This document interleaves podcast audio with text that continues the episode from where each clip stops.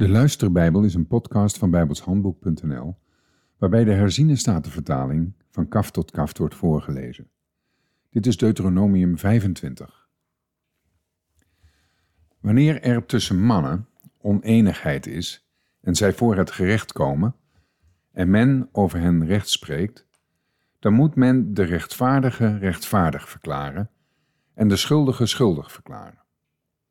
En als de schuldige tot stokslagen is veroordeeld, moet het zo zijn dat de rechter hem op de grond laat leggen en hem voor zijn ogen de slagen laat geven, die in aantal overeenkomen met zijn onrechtvaardige daad. Veertig slagen mag hij hem laten geven. Hij mag er niets aan toevoegen, omdat uw broeder anders, als hij hem boven deze nog meer slagen zou laten geven, voor uw ogen verachtelijk zou worden.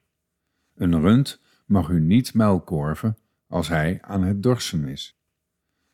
Wanneer broers bij elkaar wonen en een van hen sterft zonder dat hij een zoon heeft, dan mag de vrouw van de gestorvene niet de vrouw van een vreemde man buiten de familie worden.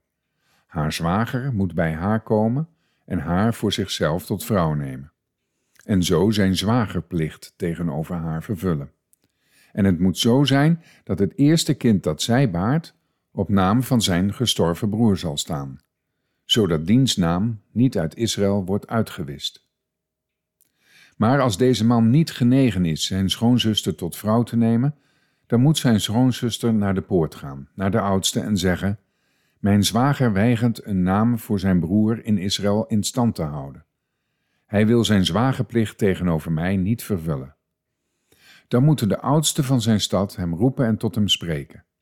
Blijft hij bij zijn standpunt en zegt hij: Ik ben niet genegen haar tot vrouw te nemen, dan moet zijn schoonzuster voor de ogen van de oudste naar hem toe gaan, zijn schoen van zijn voet trekken, hem in het gezicht spuwen en daarbij het woord nemen en zeggen: Zo wordt met de man gedaan die het gezin van zijn broer niet wil bouwen. En zijn naam zal in Israël luiden: het huis van hem bij wie de schoen is uitgetrokken. Wanneer mannen met elkaar vechten en de vrouw van de een naderbij komt om haar man te bevrijden uit de hand van degene die hem slaat, en zij haar hand uitsteekt en hem bij zijn geslachtsdelen grijpt, dan moet u haar hand afhakken. Laat uw oog haar niet ontzien. U mag niet twee verschillende weegstenen in uw zak hebben, een grote en een kleine. U mag in uw huis niet twee verschillende Eva's hebben, een grote en een kleine.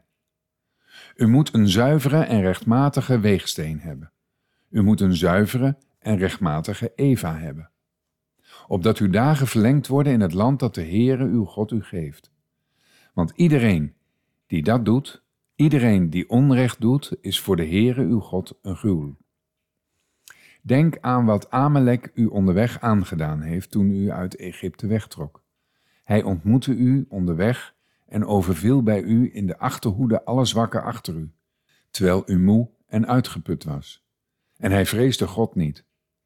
Als de Heere uw God u rust gegeven heeft van al uw vijanden van rondom, in het land dat de Heere uw God u als erfelijk bezit geeft om dat in bezit te nemen, moet het zo zijn dat u de gedachtenis aan Amalek van onder de hemel uitwist. Vergeet het niet. Tot zover.